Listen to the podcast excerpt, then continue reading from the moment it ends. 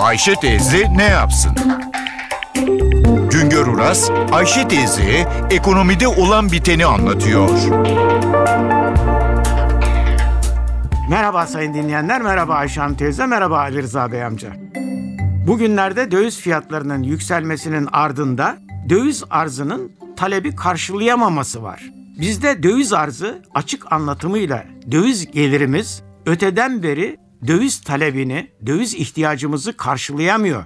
Cari açık veya en basit anlatımıyla döviz açığı sorunu denen sorun da işte bu arz ve talep arasındaki farktan oluşuyor. Bugüne kadar açığı yurt dışından ülkeye doğrudan yatırım için gelen dövizlerle, portföy yatırımı yapmak için ve de kredi olarak giren dövizlerle karşılıyorduk. Her ay sermaye hareketi ile ülkeye 5 yahut 6 milyar dolar giriyordu. Ülkeye her ay giren dövizlerde doğrudan yatırım niyetiyle gelenler kalıcı dövizlerdir. Ama portföy yatırımı için gelenler açık anlatımıyla borsadan hisse senedi satın almak için veya hazinenin yüksek faizli bonolarını satın almak için ülkeye gelen dövizler kalıcı olmayan dövizlerdir. Bunlara sıcak döviz diyorduk. Sıcak döviz diyorduk ama bu dövizler de ekonomi için çok önem taşıyor. Neden? Döviz fiyatları beklenenin üzerinde tırmanışa geçince eyvah daha önce gelenler kaçmaya başladı. Endişesi ortaya çıktı.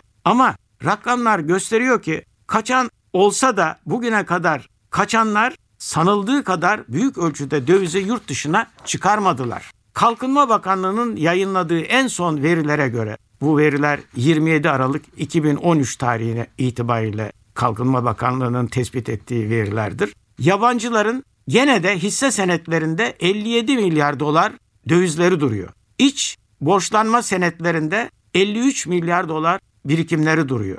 Döviz hesaplarında, döviz mevduat hesaplarında nakit olarak 22 milyar dolarları var. Toplam olarak bakıyoruz hala yabancıların Türkiye'de 134 milyar dolar dövizleri duruyor. İyi de hiç çıkan olmadı mı? Oldu ama sanıldığı kadar değil. Onun için biz daha çok gidenlere değil de kalanlara bakalım. İki, kalanların yanında acaba ülkeye döviz girişi devam ediyor mu, etmiyor mu? Bundan sonra döviz girişi devam edecek mi, etmeyecek mi? Onlara bakalım. Bir başka noktaya daha dikkatinizi çekmek istiyorum. 2013 yılı Haziran ayında yabancıların toplam dövizleri Türkiye'ye girmiş olan değişik yerlerde park etmiş olan yani hisse senetlerinde, devlet iç borçlanma senetlerinde, mevduat hesaplarında park etmiş dövizleri 145 milyar dolar idi. Ağustos'ta 127 milyar dolara kadar gerilemişti. Bakınız 145'ten 127'ye gerilemişti. Ama yıl sonunda gene de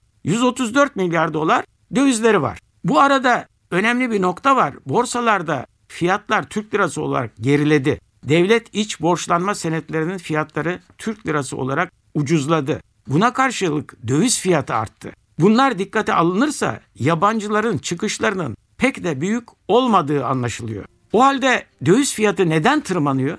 Döviz girişleri azaldı da ondan tırmanıyor. İthalatımız artarken ihracatımız yerinde sayıyor. Yabancılar döviz kurlarındaki belirsizlik nedeniyle eskisi kadar döviz göndermiyorlar. İşte bu nedenle de arz ile talep arasındaki fark büyüyor. Döviz kıtlaşınca da dövizin fiyatı artıyor. Bir başka söyleşi de birlikte olmak ümidiyle şen ve esen kalınız sayın dinleyenler.